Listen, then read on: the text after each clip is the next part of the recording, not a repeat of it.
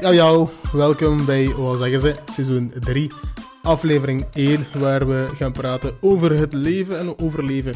Ik ben nog altijd uh, Akamando Heli en tegenover mij schuin naast mij zit... Maxime, nog steeds hier voor seizoen 3. Yep, yep. En uh, we zijn nu al bij het derde seizoen. En uh, bij het, het laatste kerstspecial heb ik gezegd dat we elke aflevering een revolutie gaan uithalen. Uh, ja, revolutie zit vol met leugens en dat was onze eerste leugen. Deze aflevering is er geen revolutie. Alhoewel, er is wel iets gebeurd, maar niemand denkt er te veel over na. Uh, capital en shit. Maar deze aflevering gaat dus niet over die zaken even. Gaat ook niet over de Rona, dus die viezigheid houden er even uit. Wij gaan praten over het leven. Ja. Het is een heel ander onderwerp natuurlijk. Hè. Maar voordat, we daarop ingaan... Um, ik weet niet of deze aflevering met beeld of video online gaat komen te staan. Uh, mocht het online komen te staan. Als iemand een opmerking geeft over mijn kostuum. Um, ik heb me speciaal opgedut, omdat het de eerste episode is van seizoen 3. Ja, Maxime is gewoon bourgeoisie. Uh, dat ook. Ja, ik moet me inleven in mijn vijand, de Kampa. Ik bedoel, hallo, dat is logisch. Uh, anders kun je niet raden wat die vijand gaat doen. Maar niet alleen dat. Ehm, ondanks het nieuws dat de kappers hoogstwaarschijnlijk midden februari terug gaan opengaan, afhankelijk van de besmettingscijfers op dat moment, heb ik toch besloten om zelf mijn haren onder uh, de loep te nemen. En uh, het is de eerste keer, want ik heb, speciaal er een, ik heb er speciaal een tondeus voor besteld. en, uh, dus dat was de eerste keer dat ik dat deed. en ik had dat snel snel gedaan voordat ik naar mijn werk moest vertrekken. Dus ik had me vergist met het opzetstuk, waardoor ik het verkeerde opzetstuk erop had gezet. Uh, waardoor ik, maar ik had het snel door, waardoor ik, als je het goed ziet, ik weet niet of je de oh, video kunt zien. ik zou zeggen fire barber, but fire yourself. Ja, heb ik, uh, maar ja, het was met ene ruk, maar ik was dan weer zo dom om dat zo te fel te zetten op mijn hoofd. Maar, ja. Dus uh, ja, kijk, ik dacht ik ga hem ook eens optutten voor de seizoens, nieuwe seizoen van, wat zeggen ze, maar Maar ja, kijk, globaal gezien vind ik dat het goed gelukt is. als je ziet van waar mijn haar komt. Ja. Maar als de kappers toch open gaan, ga ik sowieso naar de kapper. Omdat, uh, om mijn kapper te steunen. Ja, ja, ja zeker. Dat je doet het ook voor het sociaal contact met die kapper. Hè. Dat is ook wel een uh, heel goede kapper waar ik naartoe ga. Okay. En hij, hij, hij, hij, woont in mijn straat, dus uh, ik moet daar niet ver voor wandelen. Maar ja, dat wil ik even meedelen. Voor, voor als deze aflevering met beeld en video online zou komen te staan. Oké, okay, ja. dus uh, wat gingen we in deze aflevering doen? We gaan praten over het leven. Dus niet een keer puur politiek, een keer iets heel abst Allee, abstract wel. Maar uh, we gaan een keer praten over het leven. Hoe komen we bij dat onderwerp? Ja, we zeggen steeds meer. We zitten in een jaar waar we stil thuis hebben moeten zitten. We moeten nadenken over wat we willen gaan doen met ons leven. Uh, allee, dat hebben we vorige keer nog vermeld. Daarnaast was ik het praten met mijn vriendin over een nieuw onderwerp voor de aflevering met andere mensen. En dan kwam er werd er iets interessants vermeld, namelijk we zijn continu, en zeker wij in onze levensfase, nu 25, 26 jaar, nadenken over wat we willen doen later, of ja, wat we gaan doen met ons leven vanaf nu dit punt. Uh, als je, sommigen gaan alleen wonen, sommigen gaan een huis kopen. En dan zat zette mij aan het denken. Ook hoorde ik van uh, goede homies, want ik woon nu samen met mijn vriendin. Maar ik heb ook goede homies die dan nog thuis wonen of alleen wonen. En die hebben dan extra zwaar. Die zitten daar, die hebben het gevoel dat hun leven even stilstaat soms. Of dat gewoon dat andere mensen veel sneller vooruit gaan dan zij. En met deze aflevering we vooral praten over hoe we in het leven staan, hoe we de keuzes maken, welke drukken mensen voelen. En, met en om het samen te eindigen met: je mocht jezelf ook wel rust gunnen. Er is geen reis, iedereen heeft zijn eigen wandelpad. Maar we gaan dat proberen te doen aan de hand van uh, inzendingen. Uh, omdat we, we, hebben gehoord in de bevraging van een jaar geleden dat uh, jullie meer gasten willen. En de kerstspecial hadden ook beloofd. Maar voor dit onderwerp hebben we geen gepaste gast op tijd kunnen vinden. Dus uh, ben ik eens gaan vragen bij uh, vrienden van de podcast: wat denken jullie over het leven, hoe je je keuzes maakt en waar je nu staat? En ik heb heel wat inzendingen gekregen, dus voor degenen die onze stem graag horen, die is zo lekker warm. sorry, jullie gaan ons wat minder mogen horen. En voor degenen die ons die vinden dat we veel te veel doorzemmelen, ja, uh, prijs je gelukkig, want we hebben een aardige brok van inzendingen. Uh, dan zou ik zeggen, uh, waar gaan we het over hebben? We gaan kijken van uh, hoe mensen hun levenstraject uitbouwen. We gaan het hebben over welke drukken worden gezet van mensen rondom hun. we gaan een vergelijking trekken tussen hoe mensen dat vroeger deden en nu meer, of hoe de wereld nu aan het veranderen is. We gaan ook eens kijken naar eh, het idee van sommige mensen die willen heel veel zekerheid en rust en kalmte op dezelfde plaats waar hun ouders zijn opgegroeid. En sommige mensen willen ver weg en eh, zoveel mogelijk dingen zien om te zeggen van ieder welke is het is een keuze, maar het is even goed voor u. Om dan te eindigen van hoe kunnen we onszelf wat meer rust gunnen, of tenminste onszelf gunnen van uh, ik heb een pad, je hebt een pad en dat is alright, je moet jezelf niet breken over die zaak. Of misschien wel, hè. Maybe you need to get your shit together. Some people need to get their shit together. Maar dat zien we wel. Uh, dan zou ik zeggen, Maxime, tenzij je iets hebt, dan zou ik zeggen, uh, we can take it away, hè. Ja, dat is, ik heb eigenlijk globaal goed gezegd waar deze aflevering over gaat gaan. Inderdaad, op basis van feedback vooral, omdat ja, onze podcast heet Wat zeggen ze? En dat vereist wel dat we vaker met gasten werken, maar omdat we niet één individuele gast die perfect aansluit bij deze aflevering op tijd hebben kunnen vinden, gaan we in de plaats werken met inzendingen, zoals ik al heeft gezegd. En het zijn redelijk veel inzendingen. Hè? En uh, hoeveel had jij gezegd? Het was uh, een totaal iets van. Een, ja, en een totaal iets van 25 minuten waard aan, aan luistermateriaal. Ik heb al zitten knippen ja. natuurlijk. Hè. Ja, dus dat is goed. Dus in deze aflevering gaan jullie meer de mensen horen in plaats van dat jullie ons gaan horen. Maar we gaan wel, Cam en ik gaan wel moeten dienen als overgang tussen die clips. We gaan zo'n beetje de aanleiding, de trigger moeten vormen, waar het dan een bepaalde clip die we ingezonden hebben gekregen op ingaat. Uh, dat is wat jullie kunnen verwachten, deze aflevering. Yes. Nu, uh, zullen we er direct in vliegen? Ja, zeker. Oké, okay. uh, het eerste deel waar we over willen ingaan is namelijk uh, het traject mensen lopen. Wel, en wat bedoelen we met traject? Ja, uh, iedereen kent wel het algemene modeltraject dat we kennen. Een huisje, boompje, beestje, zeiden ze vroeger. nu lijkt dat meer op... beestje. ja, of kindje. Uh, ga, stu ga, studeren, zoek een goede job, zoek een schone madame of meneer, whatever je wilt ertussenin. Uh, koop je samen een huis, uh, werp haar kinderen en zorg ervoor dat zij het opnieuw hetzelfde doen. Ja. Daarnaast heb je ook mensen die meer vrijer door het leven gaan. En je kunt denken, iedereen maakt zijn eigen levenskeus. En dat klopt, maar dat is niet altijd helemaal zo droog. Dus sommige mensen dat door input van anderen, sommige mensen die rollen gewoon erin. En dan was mijn vraag eigenlijk, uh, eerst, eerst aan, aan u, Maxime. Mhm. Had jij vroeger een vaste levenspad uh, uitgestipt? Uh, wat bedoelt je met vroeger? Hoe lang geleden? Ja, hangt, dat maakt hangen, maar moet je zelf kiezen. Hè. Sommige mensen hadden al sinds acht jaar oud waren, hadden ze een droom. Sommige mensen hebben dat pas bedacht de eerste dag voor ze gingen werken. Nee, ik uh, ga heel eerlijk zijn. Doorheen mijn puberteit heb ik ook nooit goed geweten waarnaar ik toe wou. Als je mij gevraagd had op dat moment, wat wilt je nu leven en hoe ziet je jezelf later, zou ik daar ongetwijfeld wel een antwoord op gegeven kunnen hebben. Maar als ik daar nu op terugkijk, jaren later, toch een decennium later, mm, dat antwoord dat ik dan zou geven, zou niet geheel correct zijn volgens wat ik op dat moment zou gevoeld hebben. Ehm, ik denk dat ik met heel veel onzekerheden zat naar de toekomst toe. Uh, waren de verwachtingen vanuit mijn omgeving? Dat zeker. daar, daar is geen twijfel aan. Maar ik had zelf eerlijk gezegd geen modeltraject voor ogen. Nu wel. Nu heb ik wel duidelijke verwachtingen. Maar dat heeft te maken met vooral omdat nu het vanuit mezelf komt. Ja, er worden geen verwachtingen meer gesteld vanuit mijn omgeving. In zekere zin, ja, ik blok het wat meer af. Um, maar het is vooral omdat ik meer voor mezelf opkom naar mijn omgeving toe, dat ik nu heel duidelijk voor mezelf heb kunnen uitmaken wat ik wil en waar ik naartoe wil. En wat is maar dat? dat is maar redelijk recent. Wat is dat? Dat is van alles, eerlijk gezegd. Dat is zowel privé als werkgerelateerd, als persoonlijk vlak.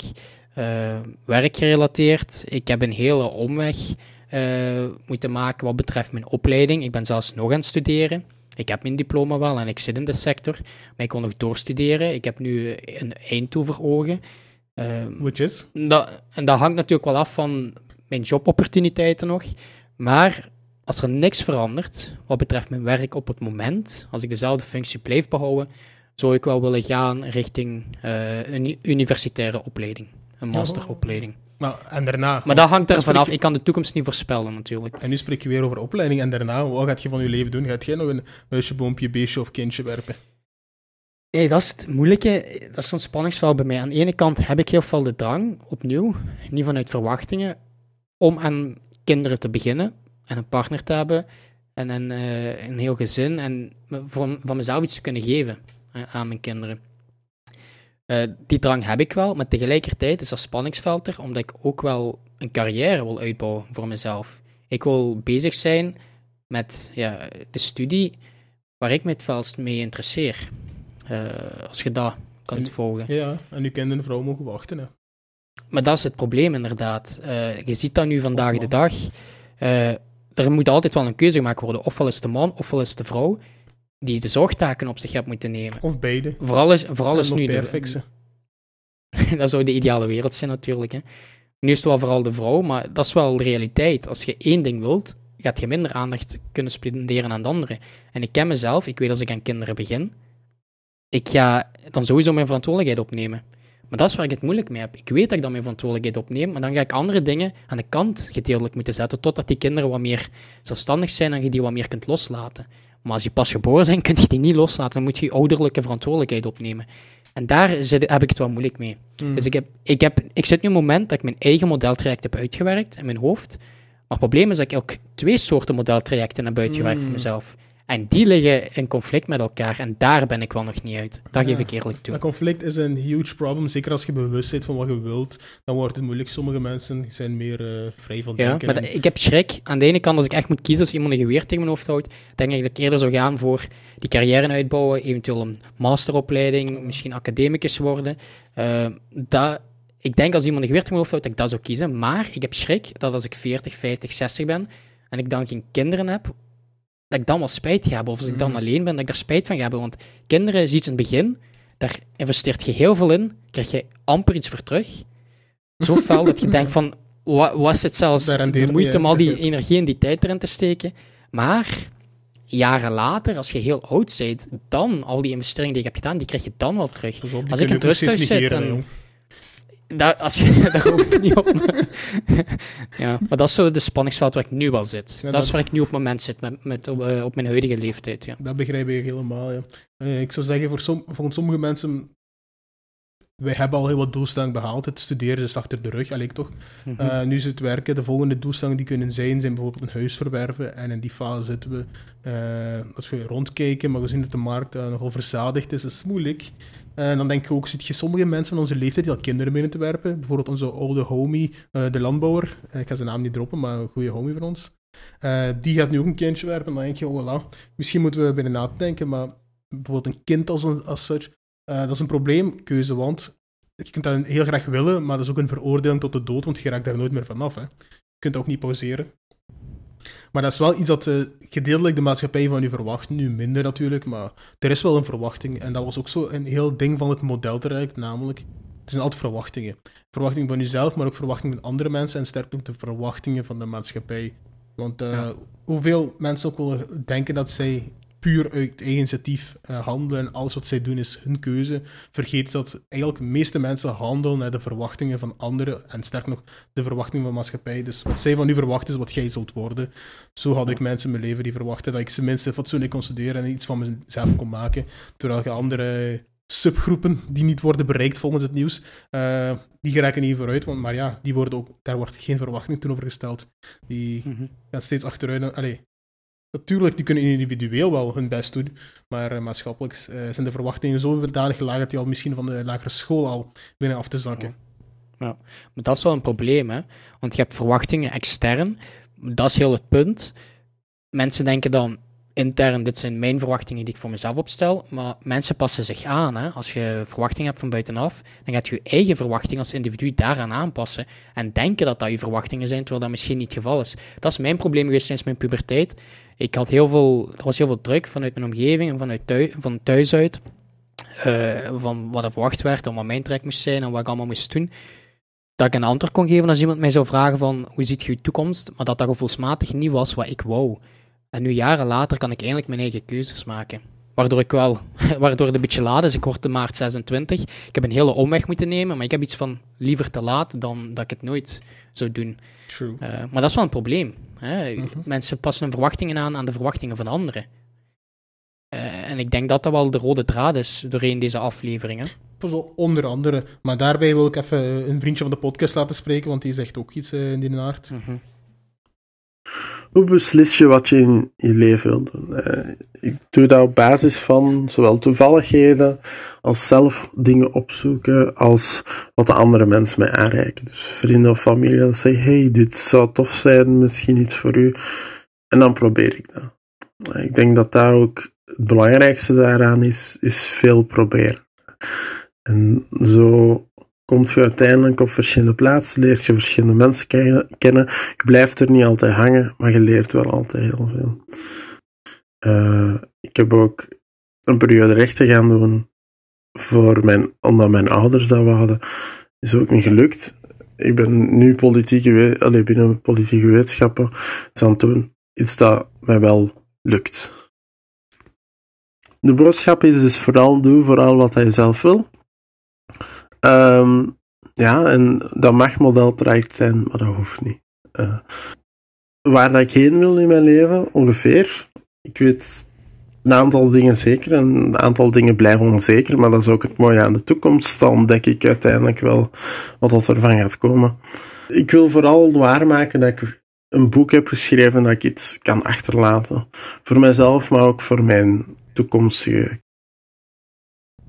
En je ziet bij hem gaat het vooral over uh, gewoon de keuzes worden beïnvloed door anderen, maar uiteindelijk wil hij wel gewoon iets achterlaten vooral en iets gedaan hebben. Nu, hm. wie was dat? Dat was een dude met een heel coole naam, als ik zelf mag zeggen. Uh, hij heeft zelf ook een podcast, ik ben even de naam kwijt, maar zijn die naam is, uh, zijn achternaam heet Loheli. Dus toen ik zag dat hij volgde, ik, ik vond het vies grappig, ik dacht, huh? Dit in nee, nee, ah nee, Loheli, en dat bestond gewoon echt. Anyway, wat, wat heb jij eruit gehaald? Ja, toch een aantal punten zijn teruggekomen die we ook net zelf vernoemd hebben. Hè? Het is enerzijds van, wat ik, wat ik eigenlijk heel uh, leuk vond dat hij zei. Hij zei van dat modeltraject, dat mag, maar dat moet niet. Maar wat ik daaronder versta is, het wil niet zeggen omdat dat modeltraject is, dat daarom niemand dat traject echt zou willen doen. Er kunnen perfect mensen zijn die gelukkig zijn, ze een huisje hebben, tuintje, gezinnetje, partner, goede carrière. Er zijn mensen die daar echt tevreden mee kunnen zijn, die niet veel nodig hebben en die misschien in zo'n traject rust kunnen vinden. en, en... is bijna disrespectvol. Maar ik snap wat je wilt zeggen. Ja, disrespectvol, ik weet niet. Het hangt er vanaf wat je wilt in het leven. Nee, het klonk bijna zo, ja, als zij daar gelukkig mee zijn, oké.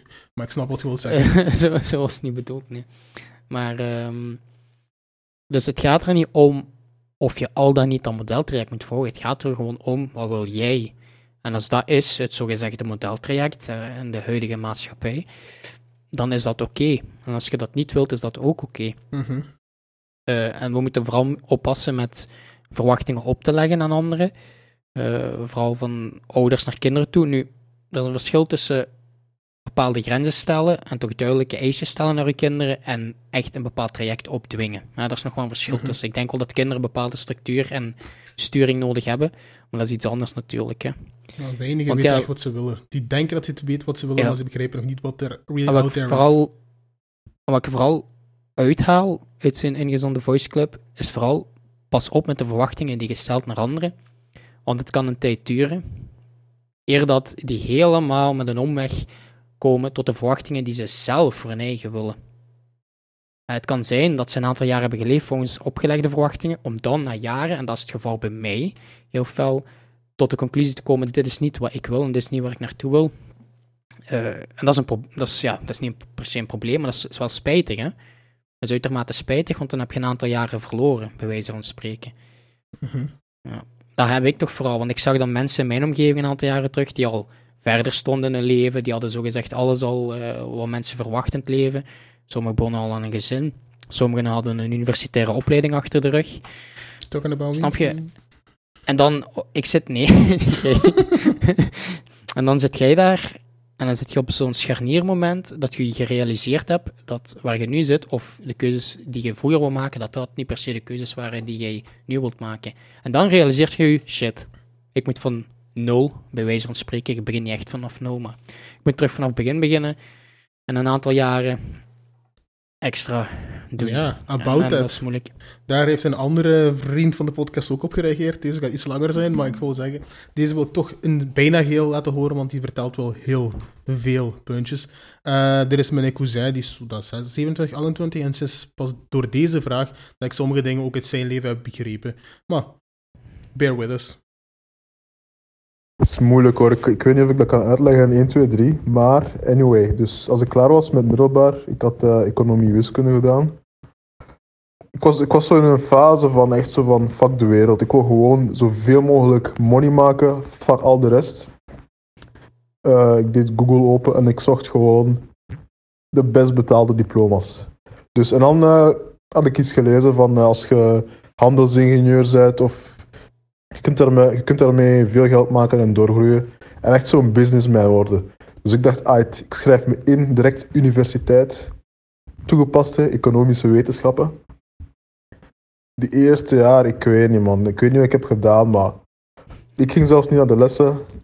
Eerste jaar, ik heb zelfs niet... Ik weet zelf, volgens mij heb ik zelfs niet... Uh, er is geen enkel vak waar, waarop ik geslaagd was.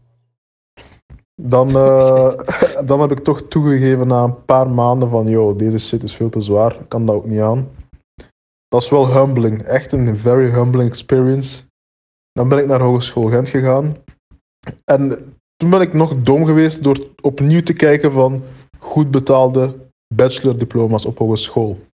En zo ben ik terechtgekomen bij accountancy fiscaliteit, de saaiste bachelorrichting die er bestaat normaal gezien, die bachelor is klaar op drie jaar. Ik heb er echt lang over moeten doen. En dat was zo fucking saai. Ik, ik weet niet, ik voelde, ik voelde die shit echt niet.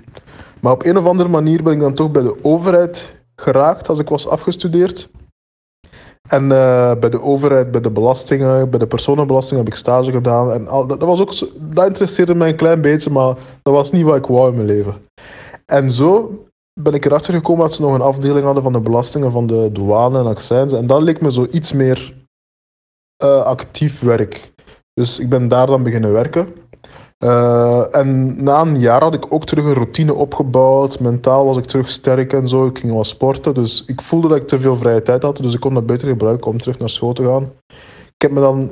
Toen dat was eigenlijk de eerste keer dat ik ging kijken van wat interesseert me echt. Welke richtingen wil ik doen. En uh, toen kwam ik bij uh, zo, bij, de richting dat ik nu doe, eigenlijk een beetje management, uh, bedrijfskunde.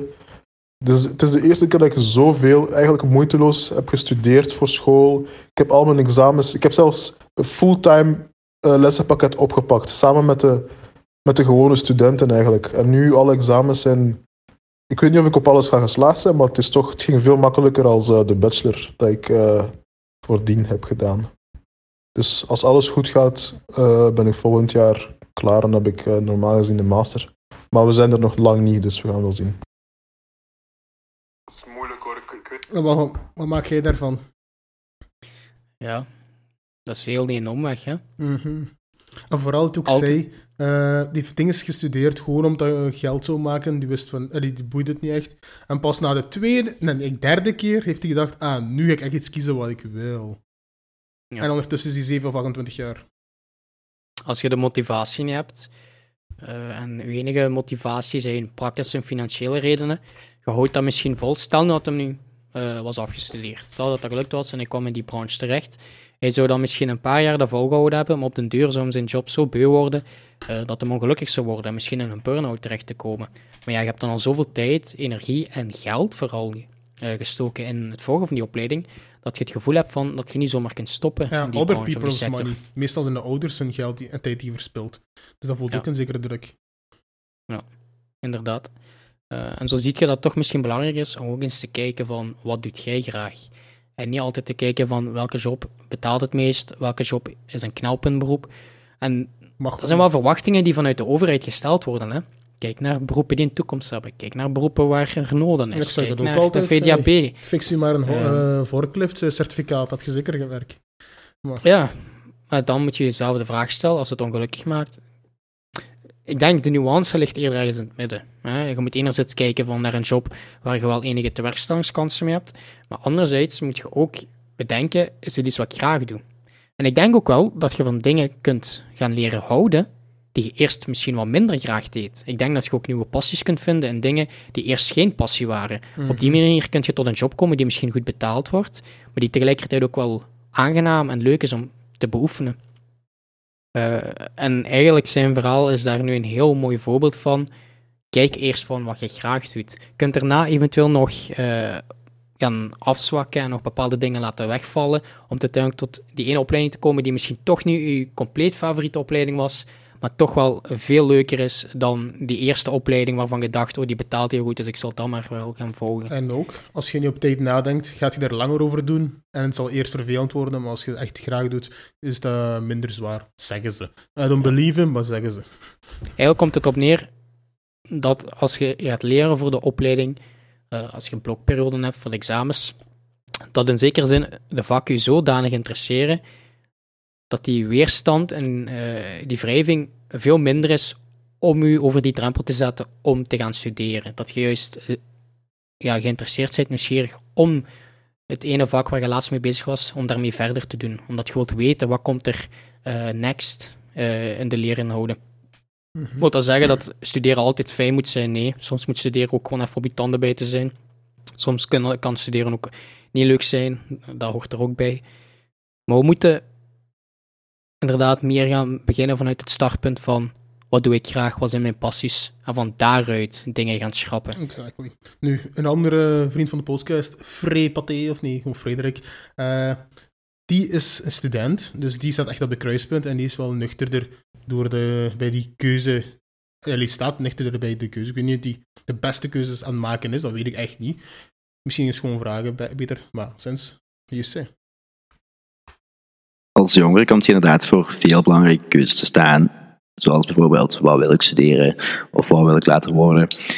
Kiezen is verliezen, hebben ze mij altijd gezegd. Als je het een kiest, dan verlies je het andere. En dat geeft een gigantische druk op jongeren die gaan studeren, of zij die voor aan het studeren zijn. Bijvoorbeeld, wil ik wel echt tandarts worden, en dat je al vier jaar tandarts aan het studeren bent.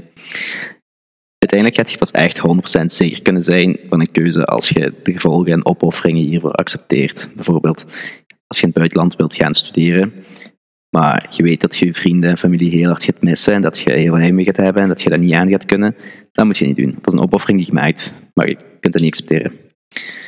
Het liefst van al laat ik gewoon de dingen op mij afkomen en zie ik wel wat er gebeurt. Carpe diem.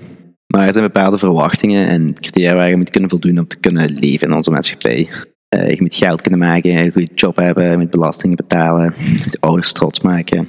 Eigenlijk, als je pas genoeg geld hebt en niet meer gesetteld bent, dan kun je dingen pas op je laten afkomen. Het leven is eigenlijk een beetje zoals een autosnelweg. Uiteindelijk gaat je een afslag moeten nemen, of anders staat je gewoon aan te schuiven in de file van het been. 80% van mijn keuzes zijn eigenlijk uh, een balans tussen geld en geluk. En de andere 20 zijn gewoon impulsief. En he's right. Hoe vaak je denkt dat je over alles expliciete keuzes maakt, maar ook heel veel gewoon toeval, geluk en zo. En dat je vooral moet bewust zijn van welke trade-off je moet maken. Ja. Wees Jonk. Ja, uiteindelijk, uh, zoals jij zegt, hij ja, heeft eigenlijk op veel vlakken gelijk. Um, ik wil niet afwijken in een filosofische discussie, maar je zou zelfs vrije wil en vrije keuzes uh, ter sprake kunnen stellen. Um, we zijn in zekere zin minder vrij en hebben minder vrije wil dan we denken uh, dat we hebben. Um, dus in die zin klopt dat wel. Um, ja. Hij haalt eigenlijk veel belangrijke punten aan. Hè. Um, hij bekijkt het heel nuchter. Uh, vooral het stuk waar hem zegt van je gaat iets moeten doen vooraleer je überhaupt weet wat de gevolgen zijn van die keuze. Mm um, soms moet je keuzes maken en kun je niet geen keuzes maken. Nu, de realiteit is, je maakt altijd keuzes. Zelfs wanneer mensen denken dat ze geen keuzes maken, maken ze alsnog keuzes. Die, zoals ik net zeg, niet altijd vrije keuzes zijn. En die niet altijd uh, te plaatsen zijn binnen uw vrije wil. Um, maar je moet wel keuzes maken. Uh, of we moeten op zijn minst het gevoel hebben dat we vrije keuzes maken, ongeacht of die keuzes daadwerkelijk vrij zijn. Het gevoel hebben. oh, dat is ook zo'n ding, bijvoorbeeld met die... Ah nee, ik kan er niet op af... af nee, nee, nee, ga verder, sorry. Nee, hoezo? Nee, we hebben een tijdje terug gezegd, mensen die zeggen, ik pak het vaccin niet, want ik weet niet wat erin zit. Dat is ook zo'n idee van keuzes hebben, maar whatever. Ja, Maar niet erop af, niet op inspringen, alsjeblieft niet. Oké, ja. Ehm, ja. We don't touch it in this episode. Nee, geen corona. We houden het volledig over het leven. Ehm, ja. Keuzes maken. Ja, eigenlijk. Dus we hebben het gehad over de modeltrajecten die sommigen voor zichzelf maken of die maatschappijen voor oplegt. Maar daarna Mhm. komt het tweede deel, namelijk de ex- in- geïn- externe druk, de geïnternaliseerde druk en eventueel gewoon omstandigheden. En die spelen ook heel vaak mee. En mensen vergeten dat soms. Die- meestal denken mensen, de enige vormen van externe druk die ik ken zijn mijn ouders of mijn beste vriendinnetjes die dat ook gaan doen. Die gaan ook mee naar het kamp, dus ik wil ook meegaan. Maar die beseffen niet hoeveel van je keuzes gebaseerd zijn op andere mensen en input. Tenzij je echt, echt eh, keihard bent en één doel hebt en al de rest negeert. Ja, maar niet alleen dat, niet alleen je ouders en vrienden en zo. Eh, je wordt constant ook gebombardeerd met een bepaalde druk of verwachtingspatronen. Eh, van wat je, wat je op tv ziet, eh, wat je in de reclame ziet, wat je in films ziet. Eh, maar dat zijn dingen waar je niet bij stilstaat. Hè. Dat zijn zo meer de onbewuste processen. We zijn meer bewust van de verwachtingen die ouders en naasten op ons leggen, maar niet op de verwachtingen die vanuit de overheid wordt gesteld. Mm, Ja, ik heb het net gezegd, als de overheid via de VDAB zegt, kijk, al deze vacatures eh, die staan open en dat zijn allemaal knelpuntberoepen, ja, dat is al een bepaalde richting waarin ze je proberen te duwen en wat voor soort werk eh, je moet zoeken. Los van het feit of dat gerechtvaardigd is, dat die knelpuntberoepen ingevuld moeten worden, los van het feit of dat gerechtvaardigd is, dat dat juiste beleid is. Hè. Los daarvan, dit is geen structurele aflevering op het moment, eh, geen inhoudelijke aflevering, daar hebben we het nu ook niet over. Gewoon vanuit eh, het onderwerp van deze aflevering, namelijk dat we het hebben over het leven en de verwachtingen die we voelen en de modeltrajecten die ons voorgesteld worden, ehm kunt je zelf de vraag stellen van, oké, als zelfs de overheid die verwachtingen oplegt, eh, schikken we ons daarnaar? Eh, of maken we ons daarvan los en nemen we de beslissing om andere keuzes te maken daarin? Ehm Ik heb dat is het vooral. Inderdaad. En zo heb ik eh, een paar mensen die zeiden, weet je wat, ik heb geluisterd naar mensen rondom mij, want ik vertrouw ze. En ik heb anderen die zeggen, ik weet beter wat ik wil, mijn dromen eerst. En zo wil ik eens laten horen een andere... Allee, ik weet niet of die een vriend van de podcast is, maar het is zeker een vriend. Dus mijn verwachting van hoe mijn carrière uitdraait is wel heel erg veranderd sinds dat ik eh, in het middelbaar zat. Ik had vroeger altijd gedacht dat ik, eh, ja, ik, ik kook graag, dus ik dacht ik ga mijn eigen restaurant openen. En dat was eigenlijk de idee dat ik voor een hele lange tijd had in het middelbaar. Van eigenlijk, eh, wat ik heel graag doe is koken, dus ik maak een restaurant. Nu, ik was eigenlijk op het moment gekomen in derde middelbaar dat ik een PA-test had. En op dat moment moest ik een keuze maken. Ga ik naar hotelschool of blijf ik gewoon verder doen, mijn jaar overdoen? Eh, mijn ma heeft tegen me gezegd van, ja, het leven van een restaurant is wel heel moeilijk. Je mag, dat niet onderschatten.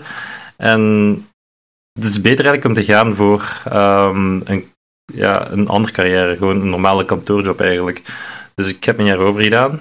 En achteraf heb ik wel beseft, door ook lang te werken in het restaurant van mijn ouders, dat uh, kook wel leuk is als een hobby, maar als een carrière is dat wel heel moeilijk geweest. Nu, mijn, ouders zeiden wel tegen mij van, ja oké, je mag gaan koken, maar zorg ervoor dat je je diploma eerst hebt. En ik heb dat ook dan gehaald. Ik heb een uh, masterdiploma. En op dit moment besef ik ook inderdaad dat koken beter als een hobby wordt uh, ja, beschouwd. Dat ik, ik waarschijnlijk het leven van een restaurant iets te zwaar zou vinden en dat ik de passie ervan zou kunnen verliezen. Um, mijn ouders hebben eigenlijk nooit echt mijn carrièrepad voor mij uitgestippeld. Ik heb vrij veel de, de keuze gehad en de vrijheid gehad om te doen wat ik wil. Mocht ik echt doorgaan met kok, dan zouden wel uh, gemogen hebben, maar ze hebben het wel heel goed geargumenteerd waarom ik dat beter niet zou doen. En ik heb hen daardoor ook wel uh, geloofd, omdat zij de credibiliteit hebben van ook die vak te hebben gedaan. En zij weten hoe zwaar het leven is van in de horeca te staan. Wat ik vooral heb gehoord is in twee dingen, namelijk één, hij heeft de keuzes zelf gemaakt, maar die heeft wel uh, advies gekregen van zijn ouders en die heeft naar geluisterd omdat hij die vertrouwt, omdat ze dat, dat wereldje kennen. En twee, uh, iets dat ik wel vaker zelf ook zeg, als je een hobby, maak nooit van je hobby je werk, want dan verliest je een goede hobby. Terwijl sommige mensen eh, eerder denken van, eh, zodra ik kan, zal ik van mijn hobby mijn werk maken, want dan leef ik van mijn hobby. En ik vind dat wel misschien respectabel soms, maar ik denk ook soms, zo verliest je je hobby echt wel zo. Ja, het risico daarin is natuurlijk omdat aan je hobby een soort ja, werkkader, een werksfeer gehangen wordt. En dat, eh, ja, een hobby oefent heel anders uit dan, dan in een werkcontext. Hè. En, en dan kan het zijn dat je hobby gaat misschien haten. En dat je dan daar misschien negatieve gevoelens tegenover ontwikkelt. En dat zou heel spijtig zijn. Ja. Ehm, en daar moet wel de onderscheid gemaakt worden. Want uiteindelijk moet je wel ehm, nog steeds een onderscheid hebben tussen je ontspanning, wat je graag als hobby altijd, eh, in je privéleven doet, en anderzijds wat je in je werk doet. Het kan zijn dat er wel enige verbinding tussen de twee is, dat er gelijkaardig iets is, eh, dat die hobby overeenstemt met wat je op je werk doet. Maar dat wil daarom niet zeggen dat je je hobby letterlijk binnen die werkcontext moet doen. Eh, ik denk dat dat wel belangrijk is. Ja. Maar wat ik ook wel meeneem uit heel die eh, clip, wat ik wel heel mooi vond, we hadden het heel veel over dat modeltraject en de verwachtingen die opgelegd worden. En vooral vanuit ouders hebben we ook eh, erover gehad. Maar uiteindelijk, als je ouders met goede argumenten kunnen afkomen waarom je best een bepaald ding niet doet, daar is niks mis mee. Soms kunnen ouders of bepaalde mensen die verwachtingen leggen ook wel zinnige dingen zeggen. Als je al... Ik ben wel al 15 jaar, ik weet al wat ik wil doen in mijn leven, hoor. Haga, je weet het niet. Soms denken mensen automatisch ook zo terug van, nee, ik neem het niet aan, ongeacht wat gezegd. Maar je hebt wel gelijk. ja, maar dat is een normale reactie die je dan geeft. Hè. Dat is bij iedereen. Hè. Dat is bij u, dat is bij mij, dat is bij de meeste mensen toch. Maar je hebt wel helemaal Ehm, gelijk wat je zegt. Ja, maar uiteindelijk, er is een verschil tussen als je constant verwachting oplegt uit schrik, omdat je als ouder je eh, zorgen maakt over je kind. Dat is bijna bij alle ouders zo. Ze maken zich zorgen en gaan dan vanuit goed bedoelde eh, ja, verwachtingen eigenlijk dingen opleggen. Dat is goed bedoeld, maar het effect is dan dat eigenlijk het kind er eigenlijk aan leidt. Nog zacht uitgedrukt, hè. ik bedoel, het is niet dat die weet ik veel wat ondergaan, hè. maar ehm, Oh ja. maar daar is wel een verschil bij. Als je als ouder aan de andere kant van het levenservaring in dialoog, ja, want als je dat in dialoog doet, gaan mensen zich minder aangevallen voelen, dat probeert over te brengen, ja, dan kunnen mensen wel bereid zijn om daarin mee te gaan. Er is een verschil tussen opleggen en afdwingen. En kijk, je gaat het nu doen en ik leg u niet uit waarom, maar je moet het doen. Maar ik leg u niet uit waarom. In tegenstelling tot dat je je kind even bij je neemt en daarmee apart zit en even in dialoog gaat en uitlegt, als die, als die oud genoeg is om dat te begrijpen, en uitlegt van, kijk, het zit daarom, ik ga je uiteindelijk wel de keuze zelf laten, zodat je zelf de gevolgen kunt ondervinden. Dan maken we terug de link naar die vorige voice clip. Maar ik geef je wel dit al mee. Je doet nog steeds wat je zelf wilt, maak nog steeds je eigen keuze, maar ik geef je die wel mee. Dat als je uiteindelijk de keuze maakt, dat je op basis op van wat je van mij hebt gehoord, eh uiteindelijk op dat moment misschien een andere keuze kunt maken. Mhm. Nu- Dat is veel genuanceerder natuurlijk. Dat is. Ik heb hier wel aan de andere kant ook iemand die losse tegengesteld heeft gedaan, niet geluisterd. Het is niet erg wat hij gedaan heeft, maar die dat gewoon mijn eigen, eh, eigen dromen eerst, dus daarvoor gegaan. Eh, die stem kun je misschien ook wel herkennen van ergens. En op uw laatste vraag te antwoorden, ja, ik heb sowieso druk gehad van mijn ouders die altijd zeiden van, ja, niet toe, niet naar het buitenland gaan. Dus ze waren nooit echt voor mijn dinges van buitenland. Ze zeiden gewoon tegen mij van, ga studeren, ga studeren, ga studeren, blijf studeren. Dus die, mijn, eh, mijn keuze om tijdens mijn, mijn eh, opleiding gewoon te stoppen, allee, pauze te nemen en naar buitenland te gaan, was voor hun echt een no-go. Dat, dat ging gewoon niet, snap je? Maar ik heb het toch gedaan omdat dat iets is wat ik zo lang wou. En uiteindelijk leef ik voor mezelf, niet voor mijn ouders. Dus, en ik wist dat ik mijn opleiding ook ging afmaken. Misschien iets later, maar ik ging het afmaken. Dus ik ging ze sowieso ook trots maken. Maar ik ging mezelf dan ook trots maken, omdat ik dan ook, zogezegd, mijn droom ging achtervolgen. Ik heb naar hun dingen geluisterd, naar hun mening. Oké, ça va, chill. Maar ik heb het uiteindelijk gewoon ja, mijn ticket geboekt. En dan heb ik het tegen hun twee weken ervoor gezegd van ja, kijk, ik- ik ga eigenlijk.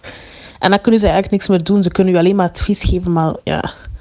Ze hebben heel hard druk opgezet, maar ja, dat, dat boeide mij niet echt. Want ik wist dat ik dat echt wou. Dat ik daar echt goed had over nagedacht. Zo zit je. Ja. Nu, dat ging over haar droom dat ze even in het buitenland wou hebben geleefd voordat ze aan het echte leven zou beginnen.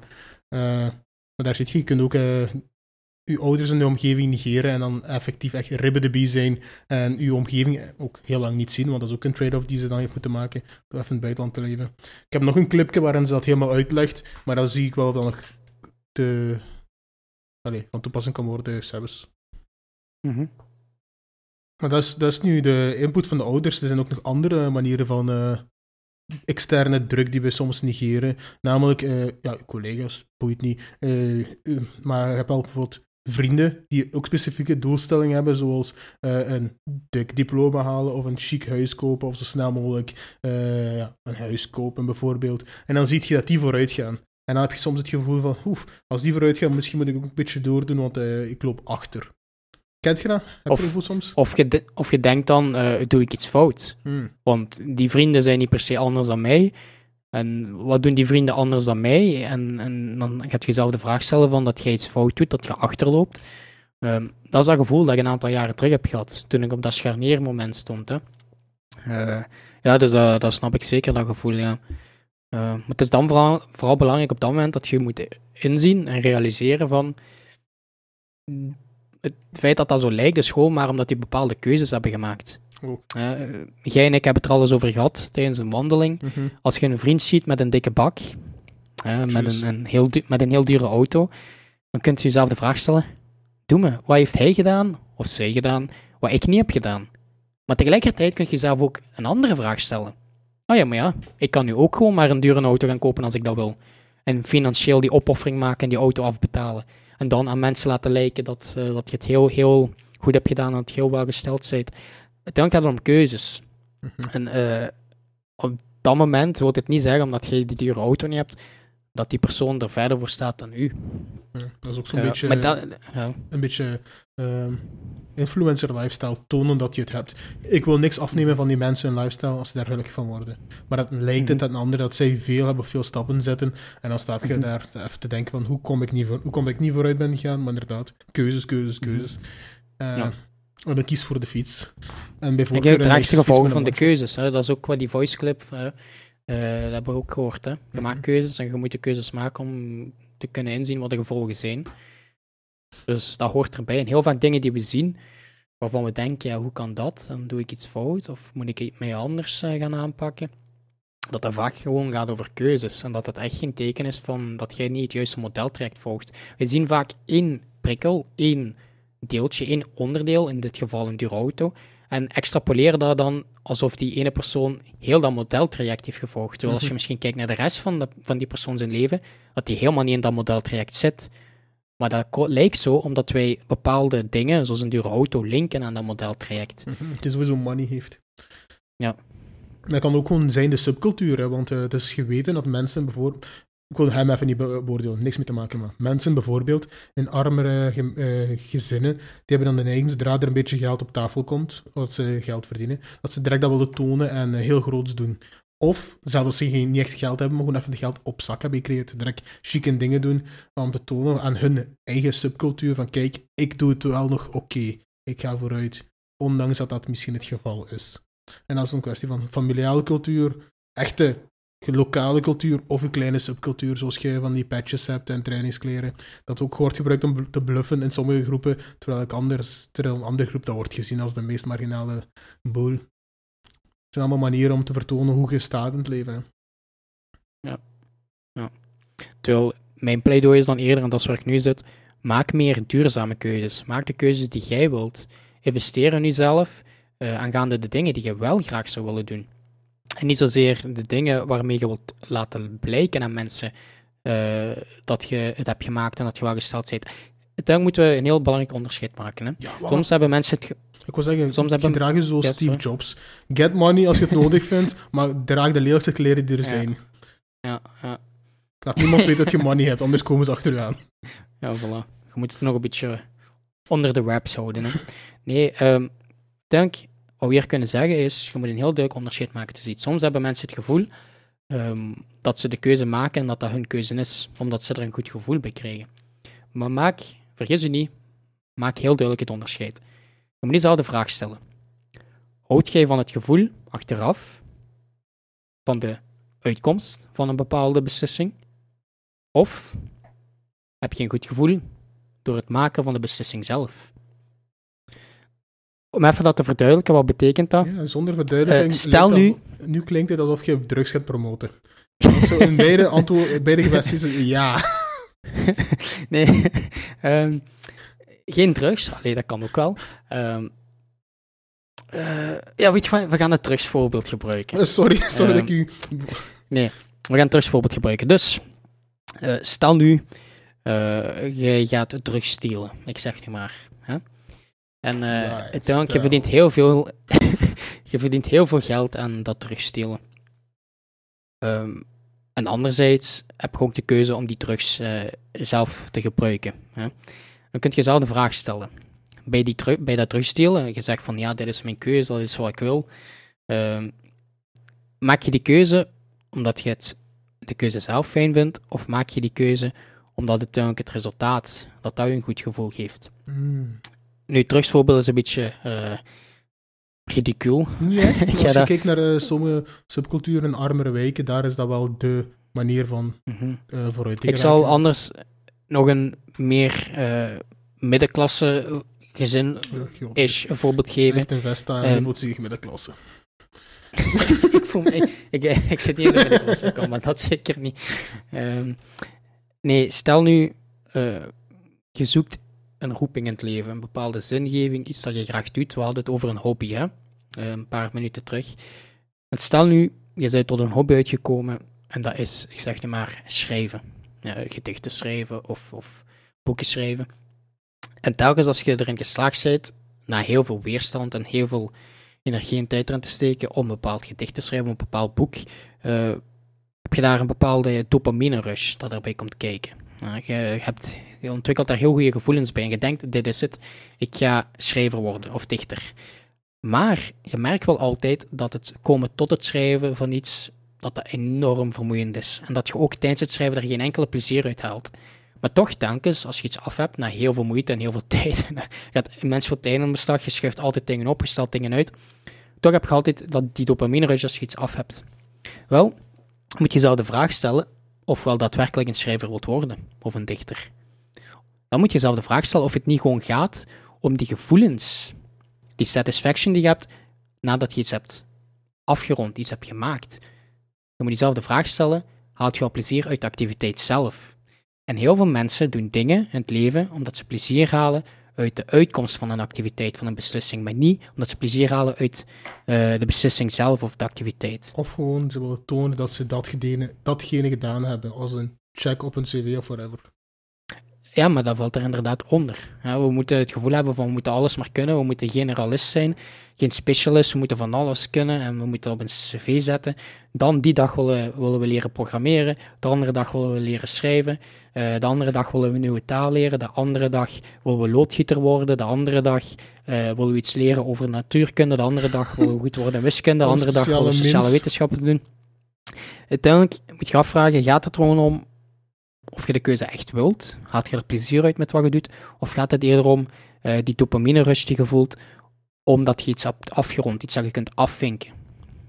En, en dat is wel de vraag die we moet- moeten stellen. Ik denk dat heel veel mensen juist dat laatste doen. Dat heel veel mensen dingen doen omdat ze eh, bepaalde ja, gevoelens van tevredenheid halen uit het feit dat ze iets hebben gedaan en iets hebben afgerond. En dat ze kunnen zeggen van kijk, tegen andere mensen, ik ben een schrijver, als ze daarnaar vragen. Ik ben een dichter. Ik heb een boek geschreven. eh, ik, ik heb dit, dit, dit en dit gedaan. Gewoon puur om dat te kunnen zeggen tegen andere mensen als een bepaalde identiteitsvorming, om dat onderdeel te maken van wie ze zijn. Ik zeg ook, dat dat al, niet iets is. Ja? ik zeg ook altijd, ik ben ingenieur, ook al ingenieer ik niks. Ik zeg dat gewoon, want dan krijg je iets meer respect dan als je gewoon een nigger bent.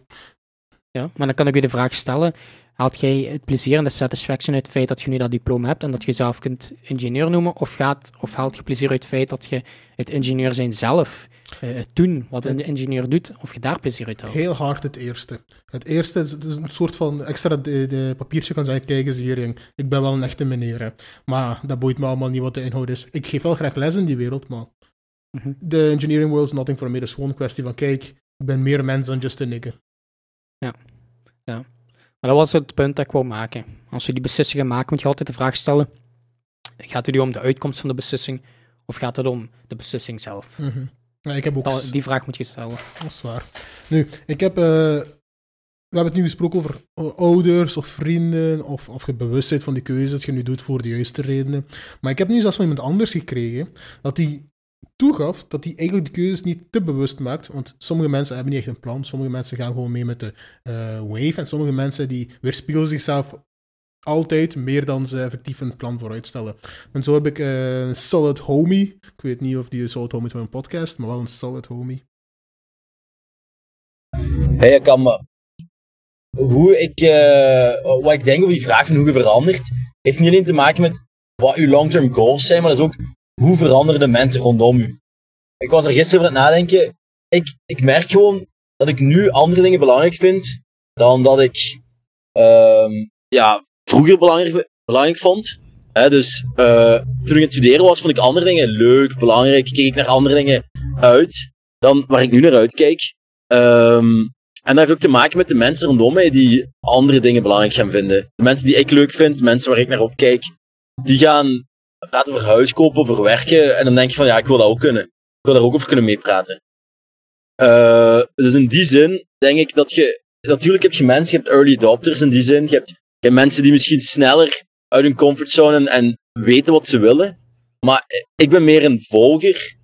Uh, ik, ik ben ook gewoon aan het veranderen met wat ik belangrijk vind. Gewoon omdat um, ja, de mensen rondom mij aan het veranderen zijn wat ze belangrijk vinden.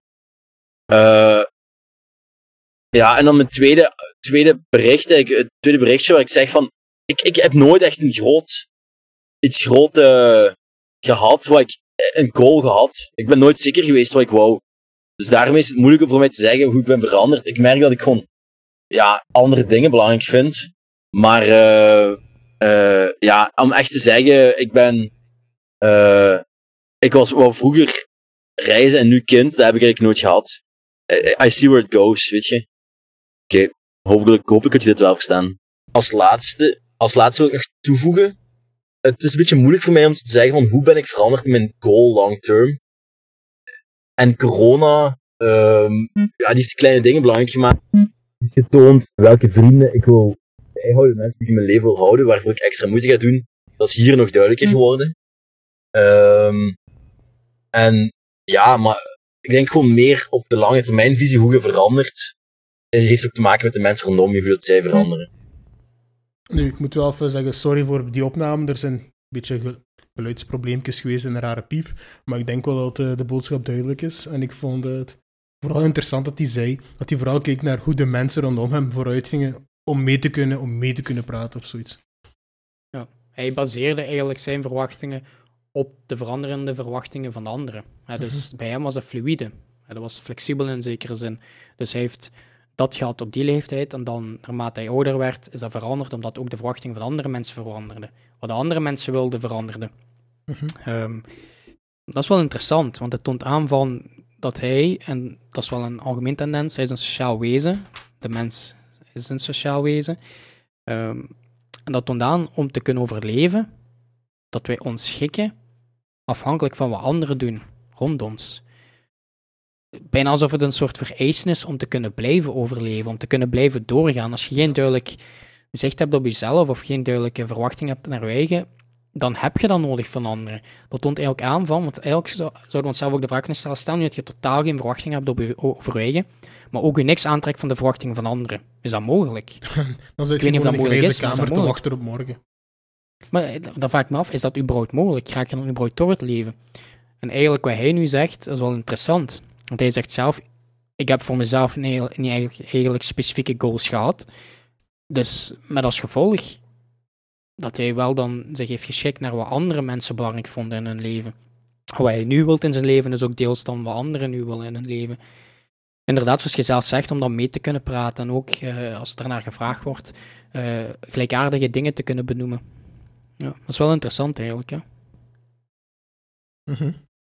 Nu, wat die uh, invloeden van buitenaf betreft, denk ik dat het wel min of meer helder is. Maar het is dus duidelijk vooral dat je niet enkel keuzes maakt voor jezelf, of niet enkel vooruit gaat dankzij jezelf, maar ook door wat je rondom je ziet gebeuren en welke drukken zij met je meepakken. Maar daar straks voor het begonnen zeg je wel, had jij iets dat je wou toevoegen aan heel het opzet van deze aflevering, namelijk het verschil tussen vroeger en nu. En wat mogen we ja. daarvan toen zeggen? Ja, um, vroeger versus, versus nu. Uh, dat is eigenlijk een hele historische context. Het verleden eigenlijk, uh, wat er vroeger is gebeurd en wat er vroeger anders was ten opzichte van nu.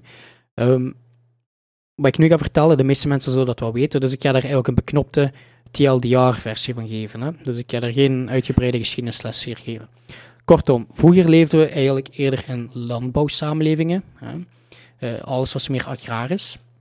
Eh, maar op een bepaald moment eh, is dat overgegaan in een industriële samenleving. Hè. Er zijn industrialisatieprocessen tot stand gekomen door de ontwikkeling van de stoommachines, uh, ja, uh, het ontginnen van kolen, vooral die nieuwe machines en die nieuwe technologieën te kunnen doen draaien. Met als gevolg dat er ook arbeidskrachten nodig waren om al die nieuwe ontwikkelingen, alle nieuwe uitvindingen te bedienen.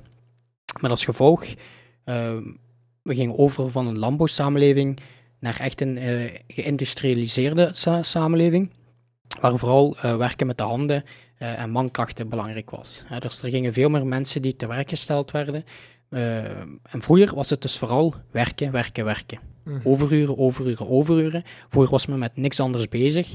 Buiten het werken had men thuis een gezin dat men moest onderhouden, maar ook dat onderhouden van dat gezin thuis, dat staat ook er staat inderdaad, er staat ook niet veel voor. Uh, het was, ja, je had toen echt de arbeidersklasse. Uh, die werd toen echt uitgebuit. Uh, dat moeten we ook niet onder stoelen of tafel steken. Um...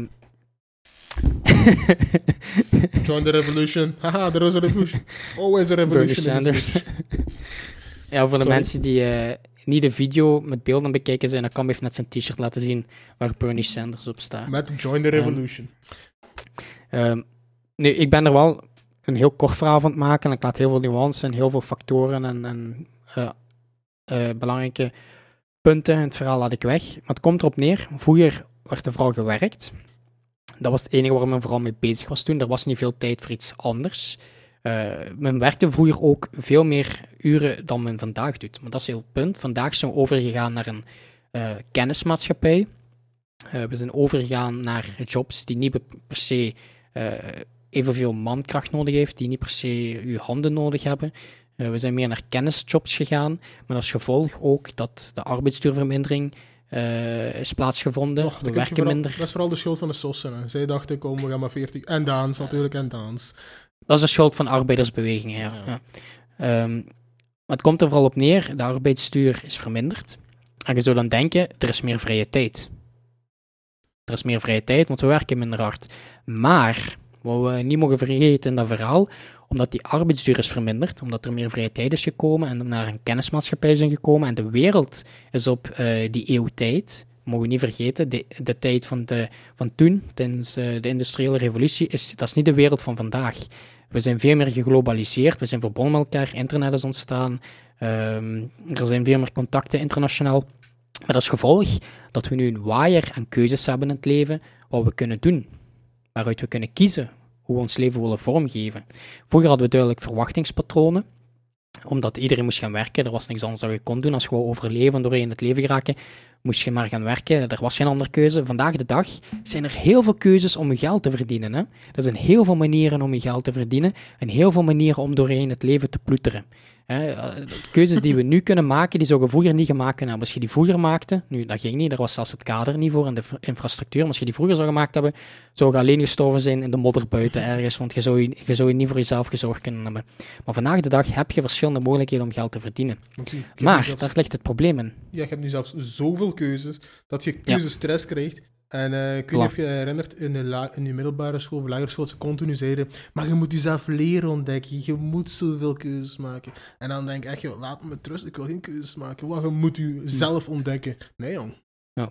Maar dat is niet alleen dat het probleem. Het probleem is ook, het wil niet zeggen dat er keuzes zijn dat je een keuze moet maken, maar dat is heel de paradox van de zaak. Hoe vrijer wij zijn geworden, en dat moeten we ook niet uh, uh, ontkennen. Wij zijn vandaag vrijer dan we vroeger waren, uh, toen vooral sprake was van de arbeidersklasse. Hoe vrijer mensen worden, hoe meer mensen het gevoel hebben dat ze keuzes moeten maken. Hoe vrijer mensen zijn, hoe meer opties en keuzes ze hebben, hoe meer ze het gevoel hebben van dat ze uit die waaier en keuzes iets moeten kiezen. Dat is het probleem. Als we de vrijheid hebben om te kiezen, kunnen wij ons zelf niet weerhouden om een bepaalde keuze te maken. En voor de duidelijkheid, dit is geen pleidooi voor uh, eh, een dictatoriaal regime dat iedereen zijn vrije keuze afneemt, tot Ja, alles het is een optie en misschien ook een keuze. nee, ehm, maar dat is, dat is het verschil met vroeger. Je hoort heel vaak mensen zeggen burn-out, eh, dat is een schijnverschijnsel. Dat klopt niet, mensen stellen zich aan. Want ja, vroeger werkten ze toch langer en harder. En dat is ook niet onjuist, want vroeger waren de arbeidsomstandigheden gevaarlijk, dodelijk en zelfs on- eh, ongezond. Die waren toxisch. Maar toch, ondanks dat, dat was het enige waar ze mee bezig waren toen. Met de tijd die nu is vrijgekomen, hebben wij als mensen een beetje zo de drang gehad om die vrije tijd op te vullen met andere prestaties die wij moeten doen. Het probleem is, we zitten in een tijd van heel veel tijdsdruk en we hebben het gevoel, zelfs in onze ontspanningstijd en onze vrije tijd, dat we dan ook moeten presteren. Dat we Mm. buiten ons werk en onze vrije tijd dingen moeten doen waar we ook enige eh, ja, status en prestatie aan, eh, eh, aan gaan moeten verbinden. We gebruiken onze vrije tijd niet, die we hebben gekregen, die vrij is gekomen, om gewoon eens te kunnen zitten en te nadenken over iets, om een boek te lezen of gewoon niks te doen, gewoon iets te drinken. Dat Of kunnen oké wij zijn precies met, niet. Ja, inderdaad. Oké zijn met de rust van even niks te moeten doen. Ja. Of We gunnen ons geen rust. Ik denk dat dat vooral het probleem is. Want we hebben, min- we hebben eigenlijk technisch gezien meer tijd, maar we doen gewoon veel meer dingen. Gezin, eh, uw werk, tijdens uw vrije tijd eh, dingen doen voor uw werk, om uw werk beter te doen. Vorming, bijscholing, nieuwe opleiding, eh, bepaalde hobby's, eh, bepaalde vaardigheden oefenen. Ehm wat is er nog allemaal? Yo, bijvoorbeeld, daar straks heb je het gezegd dat je iets van je hobby, eh, je werk maken niet doen. Hè. Maar dus mijn werk is in het onderwijs, mijn hobby is bijlesgeven. Maar soms, als dat kindje me dan mij vraagt, kunt je niet even komen helpen? Dat is online, kunt je even helpen? Dan denk je ook zo, "Pah, laat me met rust. Ik wil gewoon rust hebben, ik wil gewoon vrijheid, laat me even. Maar dat gaat wel voor mijn hobby. Ja, maar dat is het probleem. Als je dat zelfs al hebt bij je hobby, dat gevoel, dan moet je jezelf de vraag stellen van... Of ja, dat is ook een signaal voor je naar je eigen toe, hè, dat je even moet timmen en even... Ah, nee. Zeggen van- nee, eigenlijk niet, want ik heb tijd genoeg en ik kan- het duizend keer opnieuw doen. Dat is geen probleem. Voor mij is het vooral van, ik ben zo hard ingesteld op pure rust hebben of ja, eh, alles plots te kunnen doen. Want heel veel mensen die plannen veel te veel dingen in. Dus je vraagt, kunt je volgende week met ons chillen? Dat gaat dan niet. Je hebt te veel verplichtingen. Ja. Ik doe het helemaal andersom. Ik probeer zoveel min mogelijk in te plannen, zodat ik, als iemand iets vraagt, ik altijd ja kan zeggen. Probleem is, als dan iemand vraagt en ik ja zou willen zeggen, dan, denk ik, heb ik zo van, "Huh, nee, ik wil niet ja zeggen, ik wil even niks doen. Dat is de doorgeslagen luiheid misschien, maar ook vooral gewoon om ik geloof van, als je te veel plant, ja, dat je te, ja, ik hou niet van te veel wil plannen. Ik ben liever Ja. echt flexibel tot de bone. Ja, maar ja, dan moet je die rust jezelf wel gunnen ook wel. Sowieso moet je mij niet vertellen, zo. Ja, want Dan moet je jezelf vertellen, ook- Maxime. Tell yourself. voor mij, voor mij is rust boeken lezen kan en kennis opdoen. Oh. Daar haal ik heel veel rust en voldoening uit. Ehm, ja, maar uiteindelijk, je moet dat onderscheid wel maken. Ja. En soms op die manier zijpelt onze, ja, ons werk eh, door tot ons privé. En dat is niet de bedoeling.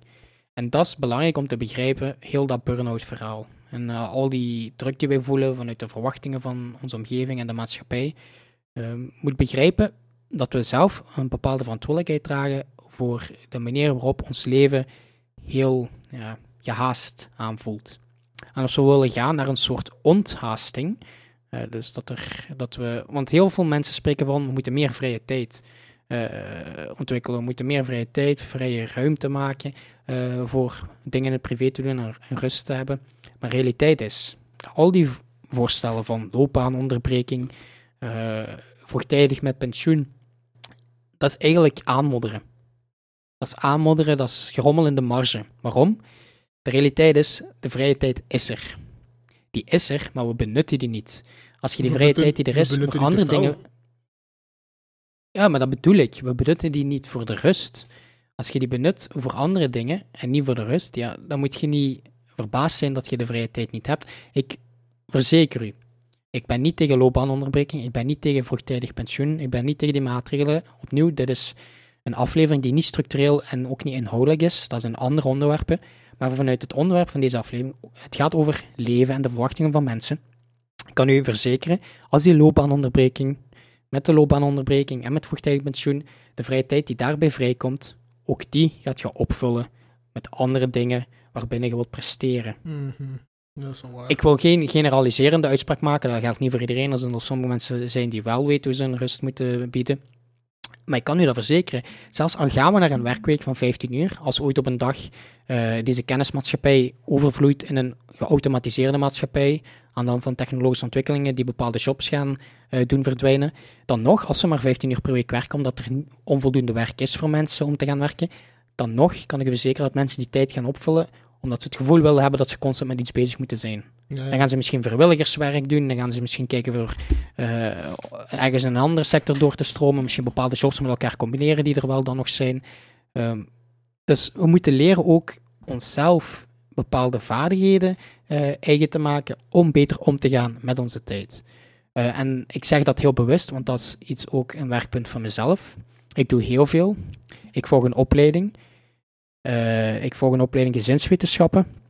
Ik werk ook in de zorgsector en de welzijnssector. Eh, ik werk zo als voltijds.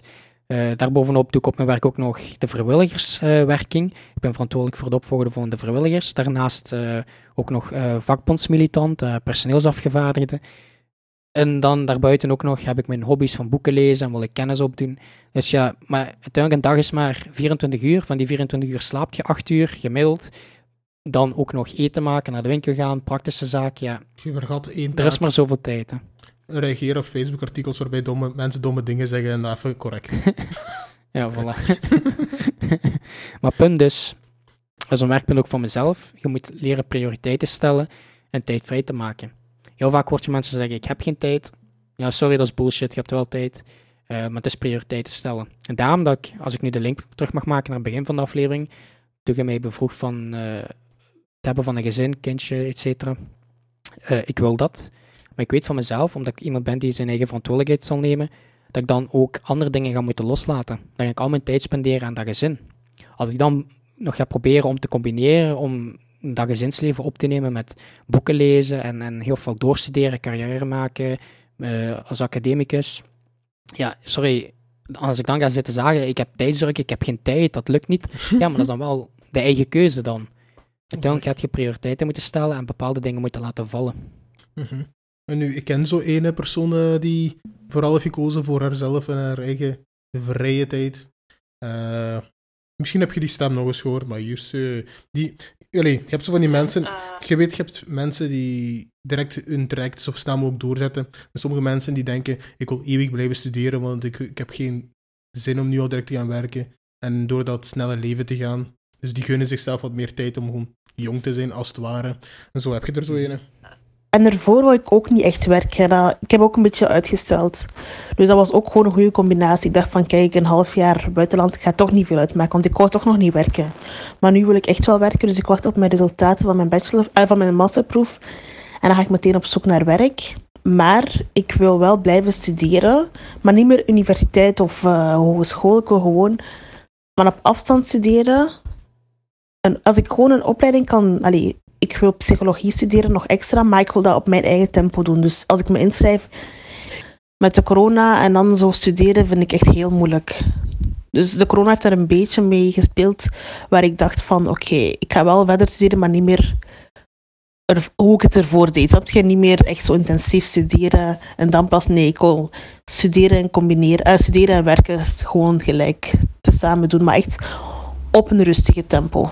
Ik, wil, ik zou niet meer nog een keer Die is een beetje zoals jij, hè. Allee, half. Dus die heeft eh, eerst bachelor, dan eh, schakelprogramma gestart, zijn op rei- eh, naar het buitenland gegaan, daar op pair gaan zijn. En dan terug te komen, schakel afmaken, master halen. En dan moet hij nog bij gaan studeren, terwijl hij werkt. En ze gaf ook toe dat ze, net zoals vele van onze generatie en later, heel lang niet wilden gaan werken. Dat ze bleven studeren, om maar niet te moeten gaan werken. En uiteindelijk zegt ze, oké, het is goed geweest, ik ga wel werken. En dan nog een beetje bijstuderen. En daar gunt ze zich ineens geen rust meer bij. En dat vind ik wel iets heel raar. Maar... Dat is een beetje zoals jij. Een beetje omweg, maar nog steeds niet willen rust nemen. Nee, want het is ook zo het gevoel van wanneer kunt je rust nemen en wat is die rust? Nu, ik wil wel even duidelijk maken, want ik wil ook van mezelf geen karikatuur maken. Ik ben wel iemand die, eh, dat klinkt misschien heel grappig, ik kan een uur of twee in de zetel zitten met een koffie of een thee in mijn hand en gewoon vooruit mij staren. En dan over dingen nadenken. Zonder tv, zonder mijn gsm. Ik kan dat en ik doe dat de laatste tijd ook heel vaak. Dat is iets wat ik mezelf heb moeten aanleren. En dat is iets wat ik ook nu van nature kan. Dus ik wil ook nu niet... Ik ben iemand die mezelf weinig rust gunt, dat geef ik ook toe. Ik heb heel drukke weken, ik leef redelijk hectisch. Maar ik wil ook nu daar geen karikatuur van maken. Ehm, ik heb wel geleerd van, om ook niks te kunnen doen. En dat is belangrijk, want het is juist door niks te doen dat je soms tot creatieve en slimme ideeën komt. Uh, heel veel mensen denken dat uh, enkel als je constant nadenkt en constant uh, in overdrive zit, dat je dan tot goede zaken, goede zaken teweeg brengt. Dat is niet waar. Um, onderzoek toont aan dat als je hersenen in rusttoestand zijn, dus als jij niet bewust aan het nadenken bent, dat in je onbewuste processen van je hersenen, die heel veel informatie aan het verwerken zijn van wat je de dag door hebt ondervonden. En het is daarom vaak, als je rust neemt, gewoon door zo'n douche te pakken of helemaal aan niks te denken, gewoon zo'n wandeling, dat je in één keer zo'n Eureka-moment hebt, dat in één keer iets in je hoofd, in je bewustproces in één keer naar voren komt, en dat je zoiets hebt, waar komt dat nu in één keer vandaan? Ik was er toch niet aan het over nadenken. Waarom? Je hersenen zijn wel nog met die informatie bezig in de achtergrond, zonder dat je daar bewust iets mee moet doen. Dus je hersenen zijn eigenlijk fucking amazing. Die doen shit zonder dat je daar energie in moet steken. Okay, dat moment waar ik over spreek, dat heb ik al jaren niet meer gehad. Vooral omdat ik mezelf dat niet gun. Ik wil gewoon niet even tot kalm te komen op die manier. Wel, niet hard werken. Da, die type rust gun ik mezelf wel. Maar het niet nadenken, type rust, dat vind ik wel heel moeilijk om te doen. Gewoon omdat ik altijd ja. pieker over niks en nog wat. Dan denk ik dat... Ik denk dat jij en ik daarin verschillen dan. Wat ik moet leren meer rust nemen, is de rust die jij zegt. Het niet werken. En gewoon totaal niks doen. Terwijl uw werkpunt misschien dan is ook het leren niet nadenken. In die zin rust nemen. Ik denk mijn rust nemen, wat ik moet leren om rust nemen en vrije tijd nemen, een ander soort vrije tijd en rust is dan wat jij moet leren nemen. Ik denk dat we daarin verschillen. Mm Ik had vroeger wel zo'n ding waarmee ik echt uh, de rust kon vinden. Uh, of ja, de mentale rust waarbij ik even niet meer moest nadenken. Afhankelijk van als ik tegenover iemand zat waarmee ik een goed, te goed gesprek kon houden. Maar uh, vroeger had ik wel iets waarbij ik dan echt mentale rust pakte, maar dat is nu. Een ander dingetje is natuurlijk het sociale. Daar heb ik wel een paar dingen uh, on hold moeten zetten. Bijvoorbeeld uh, het partyen. Dat mis ik wel. Ik denk uh, jullie ook. Maar ja, kijk, er is momenteel niks anders aan te doen. En ja, daar heb ik misschien wel het gevoel van dat ik door corona een jaar heb, echt een jaar heb gemist. Je kunt niet, niet op stap gaan met je vrienden of zo. En aangezien dat ik al 25 ben, stel ik mij de vraag van ja, hoeveel kwalitatieve partyjaren zitten er nog in mij? Um, ik denk niet veel, aangezien dat ik toch wel al de katers heel hard begin te voelen. Dus dan denk ik van ja, jammer dat ik dit jaar uh, niet uh, lekker ben gaan kunnen dansen in de club. Maar ja, kijk, er is niks anders aan te doen. Weet je, dus een dus dat was het enige wat mij mentale echte rust gaf. Of ja, tenminste voldoende om niet te denken aan shit. En dat is er niet... Feesten. Ja, gewoon helemaal losgaan. Ja, maar dat is ook wel een interessante. Hè? Heel vaak denk als je denkt aan een 25-jarige richting de 30, uh, eh, die nog wilt feesten en zo, dan wordt heel vaak gezegd van, oh, is toch niet volwassen, gedraag je toch zo niet, neem toch eens wel verantwoordelijkheid in je leven, wie gaat nu nog op zijn 25ste feesten? Maar dan kunnen we onszelf wel de vraag stellen, ja, ik als een persoon dat wilt, als een persoon dat wilt en die doet daar niemand kwaad mee, waarom mag die dat niet doen? Mhm.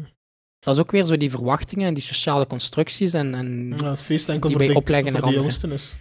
Maar nu, het, pro Ja. het probleem daarbij is, allee, zodra je wat ouder wordt en je komt in zo'n feestomgeving, je merkt je zelf ook dat de mensen nog redelijk jong zijn. En dat wordt ook gewoon vies awkward. Nu, Ja, oké, ja, het is niet de bedoeling dat je naar een feest gaat, je bent 35 en er zijn allemaal 16-jarigen. Ik bedoel, Xbox-feestjes, hey. als, je niet wilt, als je niet wilt opgepakt worden voor pedofilie, ik bedoel, Nee, maar ik kom maar zeggen, ja, het, is, dat dan. het is ofwel dat, eh, de ja, nee, niet, overdre niet overdreven maar je hebt zo die Xbox-feestjes, dan heb je de clubs, dan heb je de danscafés. Ineens zit je bij Rimpelrock eh, of Werchter, dat zijn de enige vanaf je 25ste of 30ste nog oké is. Allee, min of meer of zo. En die café-café-omstandigheden waar vooral 40-jarige vrouwen u aan proberen te eh, charmeren. Maar het is wel, zoals hij zegt, hij gaf toe, van, allee, hij denkt dat zijn echte intensieve feestjaren bijna op zijn. En ik denk ook wel nu zo, we hebben nu een jaar binnen moeten zitten en dat is vies kut. Maar ik denk, zodra ik weer kan feesten, ik ga vies losgaan. Maar iets daarna denk ik ook wel, mm, ja, het is niet meer, jong. Het is niet meer zo...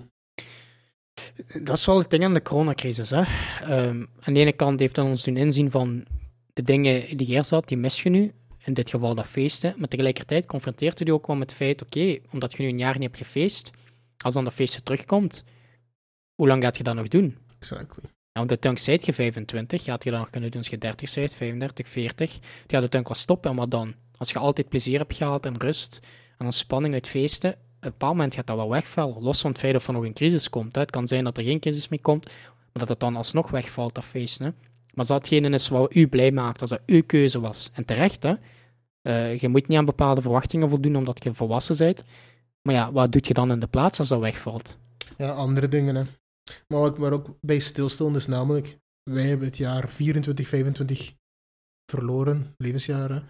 Maar eh, stel je voor, hebt nu 17, jij hebt, die maken het ergste van allemaal mee. Die verliezen bijvoorbeeld hun Italië-reis, als je dat hebt. En daarna hun Xmos, daarna hun eerste jaar Unif eh, loco doen. Dus ik zit, wij zitten echt aan het randje van onze gekke jaren. Zij zitten aan het begin van een gekke jaren, die hebben we al verloren. En ja. Maar ja, dat is iets wat ik bijvoorbeeld, waar ik wel sad van ben, dat ik die rust niet meer kan vinden. En misschien in de toekomst wel, misschien in de toekomst niet. En dan moet ik iets anders gaan zoeken. Ja. Is dat echt al iets waar je actief mee bezig bent? Dat je al denkt van, wat zou er aan de plaats kunnen komen? Actief? Nee. heb je iets ik, van... ik denk gewoon nu nog een half jaar wachten en dan gaan we goed losgaan. Maar als dat niet meer, in, allee, interessant is niet het juiste woord, als dat niet meer de, de standaard is, want ja, iedereen verhuist naar verschillende plaatsen, iedereen heeft zijn, heeft zijn andere planningen, andere dingen te doen, andere prioriteiten, dan valt dat lichtjes weg en dan moet je denken, wat kan ik dan doen? Ik kan modelterreinen gaan bouwen, maar dat is niet echt mijn ding.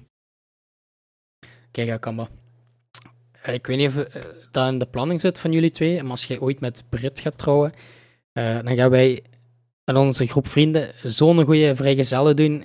Echt, dan gaat je daarna zelfs niet meer willen feesten, mag je getrouwd Brit.